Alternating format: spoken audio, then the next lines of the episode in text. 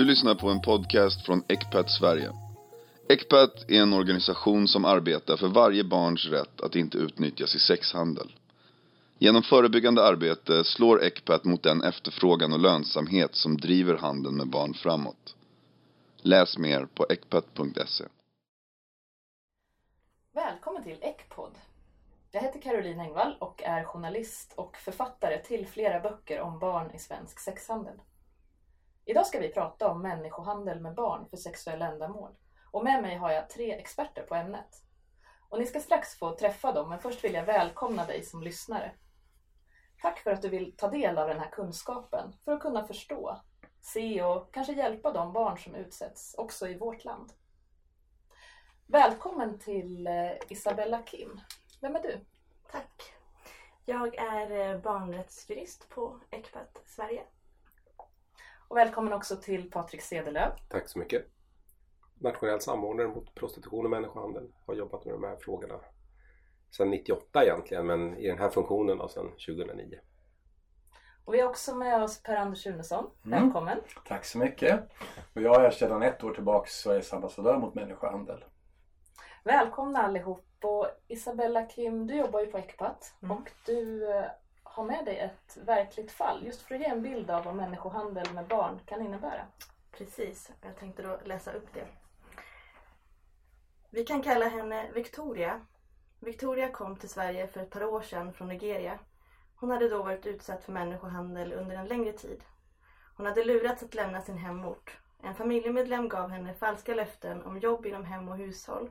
Men det visade sig sen att hon istället hade sålts till människohandlare. Hon utsattes för både tvångsarbete och sexuell exploatering och fördes från land till land. Marocko, Spanien, Storbritannien och slutligen Sverige. Hon vistades illegalt i Europa. Victoria stod i en beroenderelation till sin förövare som sålde hennes tjänster och kropp. På sin väg genom Europa blev hon gravid och födde ett barn. Ett resultat av ett övergrepp. Ett barn att ta hand om i livet som exploaterad och helt i händerna på sin förövare. När Victoria upptäcktes av en medlem i, i en hjälporganisation saknade hon ID-handlingar och pengar. Hennes behov av hjälp och skydd var akut. Ingen polisanmälan gjordes. Det mäktade hon inte med. Hon har fått boende och skydd av organisationen som även hjälpt till med medicinsk vård, samtalsstöd, ekonomiskt stöd, tolkhjälp och efter en tid hjälp till en praktikplats och ett arbete. Hon fick också hjälp att söka asyl och har beviljats permanent uppehållstillstånd. Tack Isabella. I den här podden kommer du som lyssnare att få ta del av hur det ser ut i verkligheten, vilka barnen är och vad som krävs för att förebygga och motverka människohandel. Men först, vad är människohandel med barn för sexuella ändamål, Isabella Kim? Ja, det är ett, ett eh, allvarligt brott. Det är ett fruktansvärt och eh, hänsynslöst utnyttjande av barn som befinner sig i en utsatt situation. Det handlar många gånger om ensamkommande barn som eh, är här i Sverige helt utan några trygga vuxna omkring sig. Barnen blir i människohandeln till en, en handelsvara, eh, en egendom eh, i händerna på sin förövare. Men juridiskt då så innebär människohandelsbrottet att en eller flera, och oftast är det flera personer inblandade, rekryterar, transporterar, överför, inhyser eller tar emot ett barn i syfte att exploatera barnet på ett eller flera sätt. Det kan vara för sexuella ändamål, tiggeri, kriminalitet och så vidare. Eh, det måste finnas ett exploateringssyfte, det vill säga att förövaren genomför brottet för att få vinning och ofta är det ekonomisk vinning. Men viktigt att komma ihåg det är att själva exploateringen behöver inte ha skett eh, för att det ändå ska vara människohandel i lagens mening. Det räcker med att syftet finns där från början. Eh, och när det är vuxna som är brottsoffer så krävs det dessutom att gärningsmannen har använt ett så kallat otillbörligt medel. Eh, till exempel att man tvingat eller vilselett personen. Men det behövs inte när det handlar om barn. Och det är ju just för att barn i egenskap av att bara ba- vara barn är mer utsatta. Eh, och i beroendeställning till oss vuxna. Och det är svårare för barn att ifrågasätta eller att säga nej. Det är lättare att påverka barn helt enkelt. Eh, vissa delar av människohandeln i Sverige är ju organiserad eh, med flera inblandade medan andra delar begås av en eller två personer. Eh, människohandeln kan ha påbörjats i ett annat land men den kan också ha skett inom Sveriges gränser. Det är lätt att tänka att människohandel med barn för sexuella ändamål bara händer någon annanstans i andra delar av världen. Men hur ser det ut egentligen? Per-Anders Runesson? Ja, internationellt så fin- florerar det olika siffror på hur många som är föremål för människohandel. FNs officiella siffra är ungefär 2,1 miljoner människor i alla åldrar då. Medan talar man med IOM så, ehm, så vad heter det, säger de någonstans runt 20 miljoner. Förklara för lyssnare vad IOM är. Eh, Det är International Organization for Migration. Ett FN-organ som jobbar mot migration. Och, men sanningen eh, om man talar med FN eh, är nog någonstans in between, eh, emellan där. Att en 10-12 miljoner i alla fall kan man säga är föremål för människohandel vid varje given tidpunkt. Exakt hur många som är barn det har vi inte, vi har inte bra statistik. Men att det är många, det är helt klart. Och Patrik Cederlöf, du har arbetat många år med den här frågan och ser också att de här barnen finns även i Sverige. Jo, så är det ju. Det är, sen är det bara frågan också vad, vi, vad man diskuterar. Om man diskuterar barn som är särskilt utsatta. In, mer än att de bara är barn. Då. Eh, medföljande barn till föräldrar som är utsatta för människohandel. Eh, vi har ju relativt få, om ens några, domar gällande barn som offer för människohandel idag. Men desto mer information kring misstankar, ganska starka misstankar. Och varför är det så att det är så svårt att få till domar kring de här ärendena? Det är väl som i alla människohandelsärenden skulle man kunna säga. Dels att det finns ett påtryckningsmedel. Eh, det kan vara så att barnet ingår i ett avtal som föräldrarna har gjort med en organisatör eller en förövare. Eh, det kan vara så att man har gjort ett avtal, exempelvis då att barnet ska komma före föräldrarna till Sverige för att föräldrarna ska kunna följa efter. Eh, liknande historier får man sig till livs relativt ofta. Eh, det kan också vara att man befinner sig i en situation där man är satt under tvång på ett eller annat sätt. Man är rädd helt enkelt. Man vet inte hur det svenska systemet fungerar. Man vet inte våran syn på barn. Eh, många olika delar eh, handlar om, helt klart. Så att många gånger så, så handlar de här ärendena också om att man har en historia enbart från barnet. Och många gånger så kan det vara väldigt, väldigt svårt att hitta kringbevisning som ofta behövs för att man ska kunna komma vidare i en rättsprocess. Och där, där måste man väl också föra in dimensionen där att hur viktig är själva rättsprocessen? Det handlar mer om hur vi ser när vi liksom behandlar ett barn eh, och ser barnen som ett offer för människohandel utan att vi har en lagakraftvunnen dom. Och där, det är också en viktig, viktig del att diskutera tror jag. Att, eh, när anser vi att någon är ett offer för människohandel? Precis, ehm, jag tänkte på för att det överhuvudtaget ska i slutändan kunna bli en, en fällande dom och det, det är ju väldigt få fällande domar, få domar eller åtal överhuvudtaget. Det var ett fall eh, 2016 som ledde till fällande dom. Men för att man ska komma så långt så måste man ju också i första hand identifiera vilka är de här barnen. Och där har alla personer som befinner sig, eh, som kommer i kontakt med barn ett ansvar att eh, att eh, se det, de in- in- indikatorerna helt enkelt. Och för det behövs det också utbildning och kunskap kring hur man kan se och identifiera tecken på att det här barnet kanske är utsatt. Vad kan sådana tecken vara? Eh, det kan finnas olika. Eh, när det gäller ensamkommande barn som kommer och befinner sig kanske i en asylprocess så kan det handla om att barnet plötsligt har nya dyra saker. Eh, det kan vara att eh, ett barn försvinner, från, eh, och, eller kom, försvinner och kommer tillbaka eller försvinner för alltid från boenden. Eh, det kan vara att, att märka att ett barn plötsligt får ett förändrat beteende fler mobiltelefoner. Ja, det finns en rad olika, eh, olika indikatorer skulle jag vilja säga. Men det gäller att personer som eh, kommer i kontakt med barn också vet om dem och kan eh, reagera på dem och agera. Nej, men saken är den också att, att självklart, man ska titta efter indikatorer. Men vidare då vård, stöd, insatser är relativt avhängigt idag på den juridiska processen. Och det är också det, även om man ser att ett barn kommer med nya dyra kläder och ett, ja, fyra, fem mobiltelefoner i fickan därifrån till att vi ska ha en lagakraftvunnen dom eller en lyckad förundersökning. Det är ganska långt. Och det är också, kan jag se ibland, att, att eh, barn som ja, agerar på olika sätt, utåtagerande, självskadebeteenden och annat. Där man kan ha väldigt, väldigt, star- väldigt starka indikatorer på att någonting inte står rätt till. Att komma vidare därifrån till att eventuellt då identifiera en organisatör eller förövare, den är ganska lång. Så att jag tror att man, man också behöver börja tänka på den här tiden emellan upptäckten av de här indikatorerna och eventuell eh, utredning eller ett lagförande av en organisatör. Så att jag tror att det är den transportsträckan där man behöver prata med och där är det ibland ganska otydligt vem som har ansvaret. Är det Migrationsverket eller är det socialtjänsten? Är det en organisation eller är det polisen? Där behöver man liksom hjälpas åt och där kommer vi återigen tillbaks till det som jag ofta pratar om, just samverkan. Att man måste kunna prata med varandra, dela information, se hur ska vi agera här lägga pusslet. Kanske är fler barn från samma land eller från samma ja, del av ett land som beter sig ungefär likadant. Och det, det är viktig information att dela och det kan också vara det som är avhängigt av att man lyckas. Jag tänker att ehm, för att det ska krävas en, eller för att det ska kunna bli en fällande dom, för att en åklagare ska kunna styrka ett brott när man väl sitter i rättssalen, då behöver den åklagaren ha en sanningsenlig, man brukar säga eh, sanningsenlig, fullständig och trovärdig berättelse från målsäganden. Och då tänker jag att för att man överhuvudtaget ska kunna få det så behöver man, det barnet som ska berätta den här historien också känna sig trygg. Och där kommer de här stödinsatserna in. att eh, Det handlar om att barnet ska kunna känna sig tryggt under hela processen för att dels överhuvudtaget våga berätta men jag vill lyfta en sak till och det är att när det gäller just barn så är en stor problematik är att barnet kanske inte alltid vet vem trafikeraren eller människohandlaren är överhuvudtaget. Och där, där slutar många förundersökningar på grund av den, av den anledningen.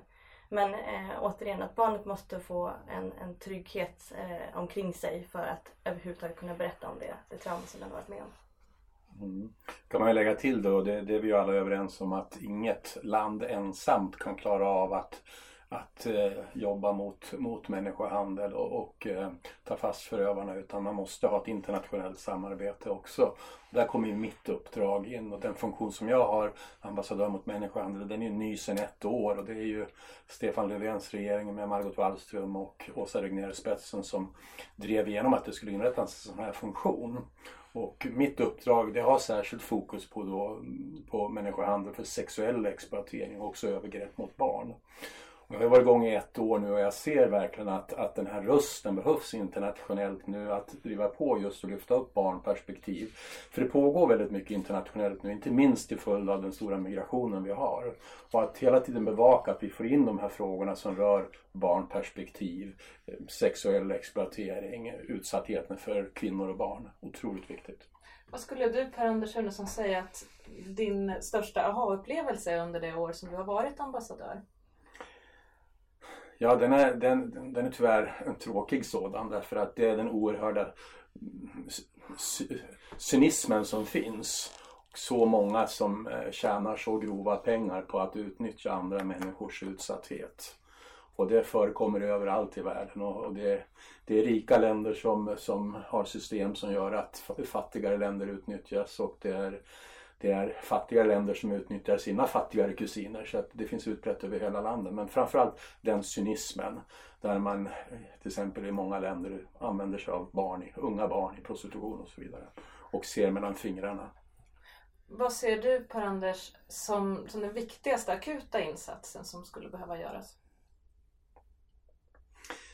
Jag tycker det som, eh, som eh, vi har pratat om här under den här sändningen eh, just med identifikation och utbildning. Det är otroligt viktigt att, att alla som jobbar med de här frågorna har kunskap och det som Patrik Söderlöf och hans team har gjort, eh, nationella samordnarna, att tillsammans med polis och ideella organisationer jobba fram checklistor och sånt. Det har varit otroligt viktigt om vi tittar på för arbetet i Sverige. Men också det internationella samarbetet, att verkligen, att, att verkligen få igång det. Så att åklagare och poliser jobbar över landsgränser. Patrik Söderlöf, du har ju jobbat länge med just samverkan. Kan inte du berätta lite grann om det arbetet? Vi, vi har ju jobbat egentligen i Sverige kan man väl säga att den först, det första man ska ju komma ihåg att lagstiftningen är ju relativt ny. Vi hade den första människohandelslagstiftningen kom 2002 eh, och har ändrats ett par gånger under årens lopp. Då. Men det är en relativt ny eh, lagstiftning hur som helst. Men 2005 så eh, fanns det ett EU-partnerskap här i Sverige som heter Samverkan mot trafficking och där vi för första gången egentligen började arbeta myndighetsgemensamt men också eh, samverkan mellan just ideella organisationer eller civila samhället och myndigheter. Eh, och när regeringens handlingsplan då kom eh, 2008 eller 2009 i januari så eh, var det en, ganska mycket av det som tidigare var gjort som vi kunde liksom jobba vidare med och, och förfina och utveckla. Så vi startade då någonting som vi kallar för NMT, alltså Nationellt metodstödsteam, som egentligen innehåller eller består av aktörer från alla nyckel, nyckelaktörer inom statliga myndigheter. Eh, vi har även genom åren då lyckats få till en plattform eh, för civila samhället som består idag av ett 20-tal organisationer. Och det har ju också effektiviserat och underlättat väldigt, väldigt mycket att vi har en dörr in åt bägge håll. Att vi inte behöver ha enskild dialog med en, en, en organisation utan att nu kan vi föra in frågor och svara på frågor till, ja, till en grupp istället. Då. Eh, så att man kan väl säga att jag ser väl ändå att, har, att vi har fungerat som en motor i arbetet och där vi har kunnat samla alla olika perspektiv, professioner, eh, kunskap. Eh, som, för det är ju så här att varje enskild myndighet har ju periodvis kanske öronmärkta pengar eller eh, riktar insatser just mot den här problematiken. Men sen faller det. Det kan vara så att de här pengarna tar slut eller att man får välja en annan inriktning beroende på ja, rådande situation då, i, i Sverige.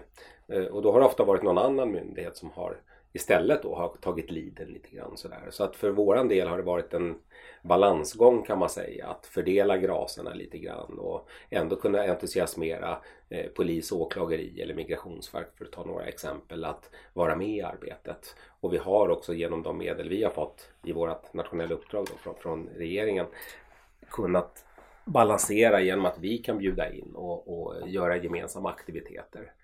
Styrkan är också det att när det gäller utbildningsinsatser och annat och att man har alla professioner får liksom se över sin del lite grann. Det är inte vi som skriver fram någonting utan vi använder, använder oss utav de medlemmarna i, i teamet att skriva sin del utifrån sin profession. Då blir det aldrig några missförstånd eller att man kommer på en utbildning där åklagarna säger att det här stämmer inte alls. Utan vi vet att det är åklagarna själva som har formulerat det här och vi har satt ihop det hela. Så det är väl lite kort bara hur vi jobbar. Och sen kanske man bara skulle nämna också de regionskoordinatorer vi har. Som är personer då från socialtjänsten men där vi egentligen har ja, löst ett praktiskt problem på ett praktiskt vis då kan man säga. Eh, vi delfinansierar de här personerna och vi har följt polisens regionsindelning då med sju regioner och vi har sex regionskoordinatorer idag. Som också i vissa fall då är samlokaliserade med polisens specialiserade grupper och har ett starkt fokus då på den utsatte eh, och inte minst barn. Finns det något bra exempel på när samverkan har fungerat bra? Ja, det, det finns ju ett, en fällande dom eh, när där målsäganden var en 16-årig flicka som utsattes för olika former av exploatering både eh, inom eh, tiggeri och eh, för sexuella ändamål. Eh, och där så samverkade polis, åklagare, socialtjänst eh, väldigt, väldigt effektivt och snabbt skulle jag säga Eh, vilket gjorde att, det, det, att åklagaren kunde väcka åtal och att det höll hela vägen till fällande dom. Vilka är de här barnen som utsätts för människohandel, sexuella ändamål? Ja, det skulle kunna vara i princip vem som helst, höll jag på att säga. Men, men oftast så är det ju, om vi tittar internationellt, så är det ju, är det ju barn i länder med stor fattigdom det, är ju, det händer ju inte så sällan att föräldrarna själva finns med och kanske eh, säljer sina barn.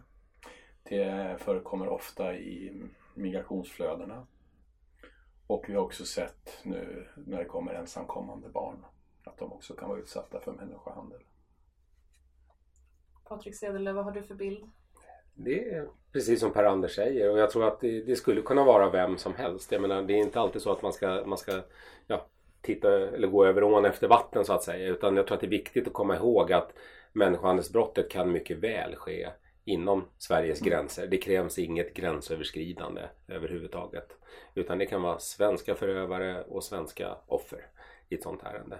Sen är det ofta det att kommer man från väldigt fattiga omständigheter så eh, är ju självklart risken större att barn utsätts, skulle jag våga påstå, generellt. Eh, vi tittar också lite på kanske på utbildningsmöjligheter. Eh, ja, framtidstro är väl också en del i det hela. Eh, många gånger handlar det om att övriga familjen ska överleva. Eh, och då är man då del, delaktig i liksom exploateringen av sitt eget barn. Det det förekommer absolut.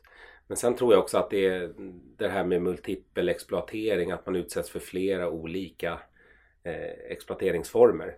Det tror jag också är någonting som vi måste bli bättre på, att vi inte låser oss vid en exploateringsform.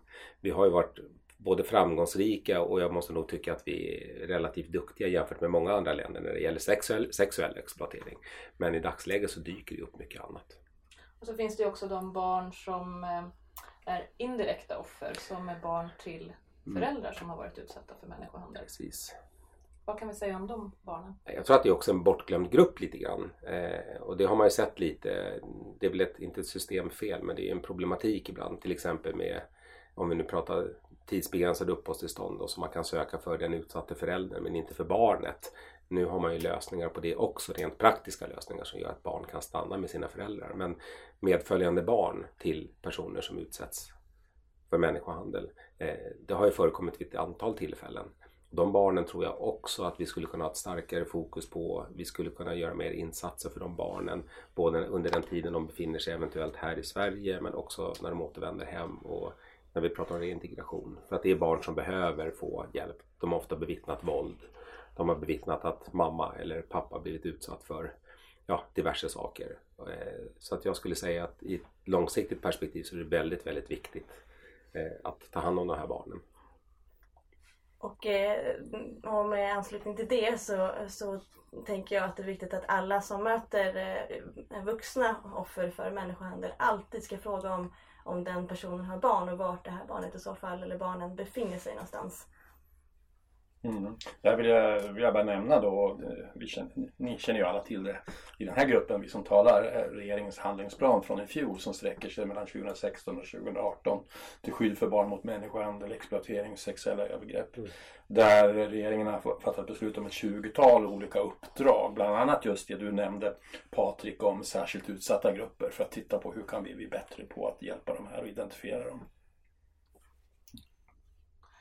Vi pratade också om olika riskgrupper, eh, till exempel fattigdom. Finns det andra eh, faktorer som kan göra att barn i Sverige dras in i människohandel för sexuella ändamål? Självklart och jag kopplar på lite det som Per-Anders sa också att eh, Länsstyrelsen i Stockholm har ju också fått ett uppdrag att titta på de här särskilt utsatta grupperna. Och där tror jag man kommer in på det du nämnde nu att det kan vara medföljande barn, det kan vara ensamkommande barn som hamnar i en situation eh, där det för, florerar narkotika, kriminal, grov kriminalitet, utsatthet generellt. Och där man också möjligheten att ha kontroll på de här barnen för svenska myndigheter blir väldigt liten. För Det handlar också om att i Sverige låser vi faktiskt inte in barn hur som helst. Vilket jag tycker är en styrka. Samtidigt så är det ett problem när man till exempel ska utreda ett brott. Att ett barn går in genom ena dörren och ut genom andra, försvinner iväg, eh, begår nya brott. Eh, och en annan problematik som vi ser det är att även de här barnen som vi påträffar i de här miljöerna ofta har mer än en identitet. Också kan det vara, vara en svårighet att veta vilket barn är det vi pratar med. Eh, Så att det finns många, många olika svårigheter eh, att hantera det här. Men jag tror också att utsattheten finns där. Eh, om man är ensamkommande eller om man är medföljande. Eh, eller om man kommer till ett land som man, där man inte har något socialt nätverk eller annat. Så det finns många grupper. Det finns också en problematik, tack och lov så är den inte så vanlig i Sverige, men där det sprids en romantiserad bild kring prostitution och där det framställs som att det här är någonting som man kan göra lite geschwint för att tjäna lite extra pengar under studietiden och unga flickor lockas in i det. Tack och lov som jag sa, inte, i Sverige så är det inte så vanligt men internationellt så finns det starka krafter som verkar för att eh, avkriminalisera prostitution till exempel och göra det till någonting som är more mainstream, ett, ett jobb som alla andra och där jobbar regeringen stenhårt mot en sån linje. En svårighet eh, när det gäller ensamkommande eh, barn är ju ehm, att det finns många människohandlare som agerar på så sätt att de låtsas vara barnets släkting eller anhörig. Så att när de väl kommer in till Sverige så är det här barnet upp, beordrat att, att uppge ett visst namn och att, att då få ett så kallat anknytningsboende. Och där tror jag att vi behöver göra mer för att faktiskt kontrollera de här anknytningsboendena. Vilka är det som barnet hamnar hos? Är det verkligen en släkt eller inte? Och för att många gånger så lär sig barnet vad det ska säga och där stannar också, upphör lite kontrollen. Och eh, jag tror att vi kan göra mer där. Och där är det i stort sett, kommer man resande tillsammans med familjen så skulle jag säga att kontrollen av de här barnen är noll. Alltså uppger man att det är ett barn som tillhör familjen så blir det inget besök hos socialtjänsten. Det blir inget egentligen så, någon insats från någon myndighet i de fallen. Utan de här barnen florerar liksom i familjebilden och, och lever sitt liv. Och här kopplar det även då till, till barnäktenskap. Och där vet vi också att det förekommer relativt många ärenden där minderåriga flickor är gifta med eh, avsevärt eller i alla fall äldre män. Eh, och det är väl också någonting som, som eh, jag vågar påstå är en särskilt utsatt grupp. Där vi inte har eh, någon riktig koll. Och tänker man då på hur situationen såg ut i Sverige 2015 med det, med det trycket som var och, och eh, det inflödet som var på, på eh, immigrationsströmmarna så, så har jag en förståelse också för att man rent praktiskt inte kunde hantera det. Men samtidigt så kvarstår problemet och jag skulle nog våga påstå att en del av de här väldigt unga flickorna fortfarande bor tillsammans med sina avsevärt äldre män. Eh, men att vi inte riktigt har kläm på hur läget är. Jo, jag har stött på det vid, vid ett större antal tillfällen under åren. Vi har de stora svenska ärendena där flickor, unga kvinnor utsatts för, för diverse övergrepp. Vi tittar på Göran Lindberg-ärendet till exempel, den kände polischefen. Eh, vi har flera sådana ärenden. Eh, men där kan man också se att antalet identifierade personer som har blivit utsatta är relativt stort men att det är bara en bråkdel av dem som ingår i förundersökningen av olika anledningar. Eh, och där kan man ju också se att de som har varit värst utsatta kanske också de som dissocierar mest. Som inte eh, ger en kanske trovärdig historia inledningsvis i förhör och annat och av den anledningen också väljs bort. Och där kan man också se att den gruppen som inte ingår i polisutredningen och finns med i den eventuellt lagakraftvunna domen senare inte får samma möjligheter till stöd och hjälp eh, som övriga. Och där tror jag att det är också väldigt, väldigt viktigt att komma ihåg att vi får liksom inte fokusera på att det juridiska ger oss svaret på om en person är ett offer eller inte. Utan man kan mycket väl vara ett offer eh, men inte kunna ha möjligheten att lämna av olika anledningar information som gör att det här går hela vägen i en rättsprocess. Men ändå att behovet kvarstår. Och där tror jag att vi inom myndighetsvärlden också måste bli tydligare. Vi kan inte avfärda folk för att exempelvis då polisen säger att det här, vi, har, vi hittar inte tillräckligt med information för att kunna gå vidare. Utan det kan mycket väl vara så att det stämmer men att personen dissocierar, eh, inte vågar, inte kan berätta om vad som egentligen har hänt. Nej, men sen tänker jag också att generellt det vi glömmer bort många gånger när vi pratar om människohandel. Eh, även om vi pratar mycket om att brottet kan ske inom Sveriges gränser med svenska förövare, svenska offer. Så är gruppen svenska flickor, svenska kvinnor någonting som vi kunde fokusera mer på det förekommer på alla sätt och vis här i landet och eh, nu har det blivit så genom åren att vi, vi fokuserar mycket på ett annat land, alltså på andra fattiga EU-medlemsstater eller tredje land.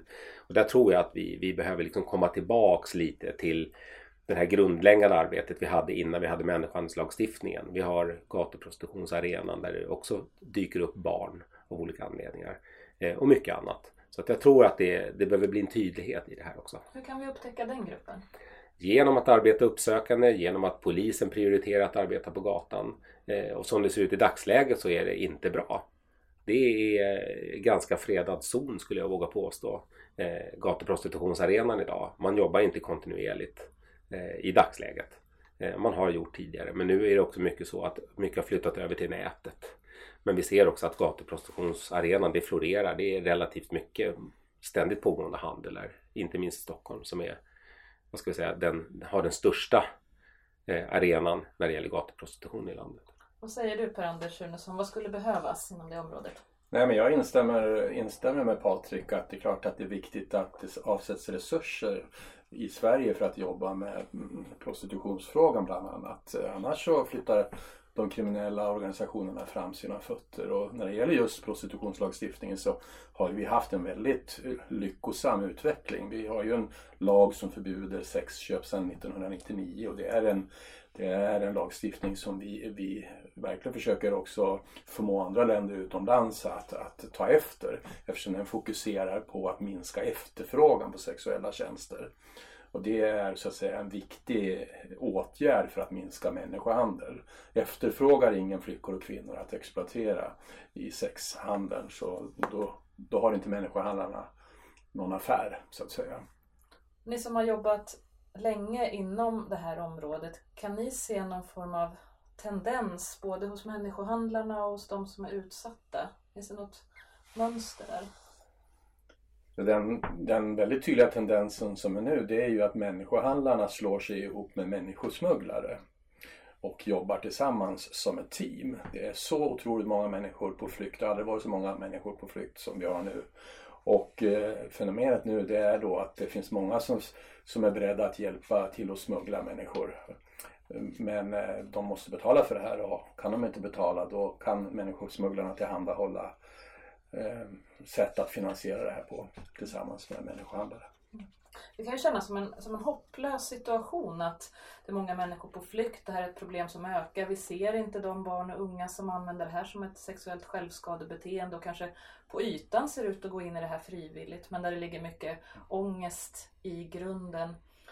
Vad kan vi som vanliga människor göra när vi lyssnar på det här och känner oss upprörda över det som, som faktiskt händer?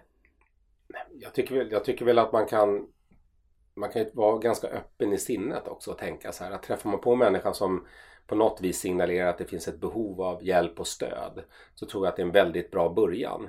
Det är bara frågan om rent krast, vem betalar för det i dagsläget? Och det är här vi ser också att vi har, det är otroligt viktigt att myndigheter samverkar med civila samhället som kanske på ideell basis kan erbjuda vissa saker initialt. Min syn på det hela är ju att det här är myndigheternas ansvar och att civila samhället är ett komplement till myndigheternas arbete. Men det är också som så att vi måste jobba ihop och myndigheterna skulle faktiskt inte kunna göra ett bra arbete om vi inte hade civila samhället. Vi behöver folk som, eller organisationer som lobbar för frågan, som driver på frågan och trycker oss framåt. Vi behöver den hjälpen. Det är helt klart. Eh, men jag tror ibland att vi kräver lite för snabba resultat, lite för mycket information, lite för snabba att komma vidare. Eh, lite för mycket kanske lägger vi vikten vid den juridiska processen eh, och glömmer bort individen lite grann.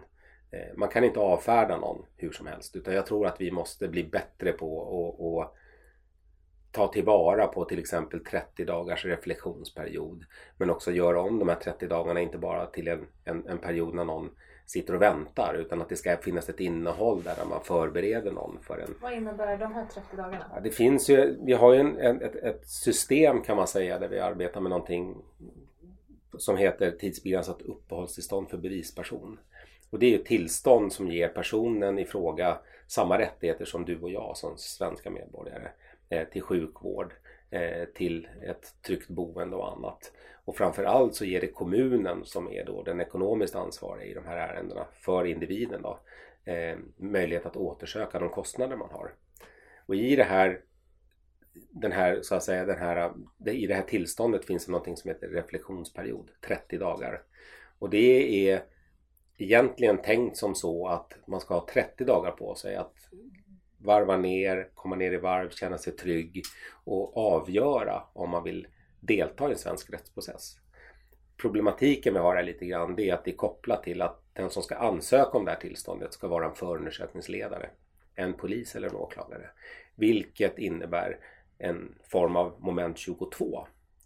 I och med att tanken egentligen bör vara att man ska fundera, ha möjligheten att, att reflektera och fundera och förbereda sig 30 dagar innan man träffar en åklagare eller polis. Eh, för att inom polisen är man bara förundersökningsledare om man inleder en förundersökning. Och det är då man kan ansöka om det här tillståndet. Så att det är också någonting vi diskuterar men praktiska lösningar på det här finns absolut. Så att det är en väldigt bra idé och tanke bakom det och vi använder det ofta. Ett sånt, eh, det finns ett pilotprojekt som pågår just nu och det är eh, på uppdrag av Länsstyrelsen till eh, plattformen Civila Sverige mot människohandel som ska säga är ju en egen organisation numera där Ecpat Sverige är medlemmar i. Eh, och vi har inom plattformen också en, kan erbjuda en reflektionsperiod som är bort frånkopplad kravet på att man ska eh, finnas i en förundersökningsprocess. Så att där finns det i alla fall idag, så får vi se hur länge det blir, men en, en möjlighet till ett sådant stöd och hjälp. Och vi har sett att eh, den reflektionsperioden har, kan ha en avgörande betydelse för om personen i fråga vill gå vidare eller inte. Om den nu får det hjälp och stöd som just den personen är i behov av. Det är inte bara boende utan det är hela paketet så att säga. Mm. På din fråga vad, vad vi alla kan göra för att motverka det här så tänker jag att till exempel när vi reser så kommer vi vara uppmärksamma både på, på, på själva resan så att säga om vi ser någonting som är märkligt, ensamma flickor, ensamma barn som reser och så. Men också när vi är utomlands så är det någonting som inte verkar okej okay, så tycker jag att man ska kontakta ambassaden, det finns en svensk ambassad i landet. Och det är ett sånt eh, område som jag har fokuserat nu på sista tiden, att, att jobba tillsammans med mina kollegor på ambassaderna runt om i landet med att öka kompetensen och kunskapen om de här frågorna för att kunna vara ett bättre stöd och motverka sexuella och, övergrepp. Och ECPAT, ni har ju också en hotline dit man kan anmäla misstankar. Precis. Och eh, vi får ju in dagligen tips rörande olika former av barnsexhandel så att ser man någonting eh, som eh, man misstänker att det här är någonting som det inte borde vara så eh, ska man ju såklart i första hand vända sig till polis men Eh, vill och kan man inte det så har vi en hotline som man kan anmäla anonymt till. Isabella, jag vet att ni har tagit fram ett förslag som rör barnrättsbevakare. Kan du berätta lite om det? Mm. Eh, vår programchef eh, Maria Schillaci hon gjorde tidigare år en resa till eh, Kambodja med eh, NOA, alltså polisens nationella operativa avdelning, eh, Länsstyrelsen och Childhood. Eh, och under den här resan så blev det tydligt att det finns ett behov av kunskap på våra ambassader. Ehm, de gör ju ett jätteviktigt arbete men vi måste bli bättre på att bevaka barnets rättigheter i varje land där vi finns representerade. Och också ta ansvar för svenska förövare som reser i syfte att exploatera barn i andra länder. Och mot bakgrund av det så har vi på ECPAT tagit fram ett förslag på att införa en så kallad barnrättsbevakare eh, som ska vara kopplad till våra ambassader runt om i världen. Och det ska vara en person med eh, spetskompetens på barnrättsområdet som eh, förser ambassaderna med ofiltrerad information om barns situation i landet där just den ambassaden verkar och helt enkelt fungerar som en röst för barnets rättigheter. Eh, och vi har träffat UD och vi har lämnat över förslaget. Responsen har varit positiv och nu hoppas vi verkligen att arbetet med att ta fram en barnrättsbevakare kan bli verklighet så snart som möjligt. Fantastiskt! Tusen tack Isabella för att du berättade om det här och tack till er alla som har varit med i podden. Eh, du har lyssnat på Ekpodd och jag heter Caroline Engvall. Vi behöver bli fler i kampen mot barnsexhandel. Vill du stödja Ecpads arbete så kan du smsa mot barnsexhandel till 72 980 för att stödja vårt arbete med 50 kronor varje månad.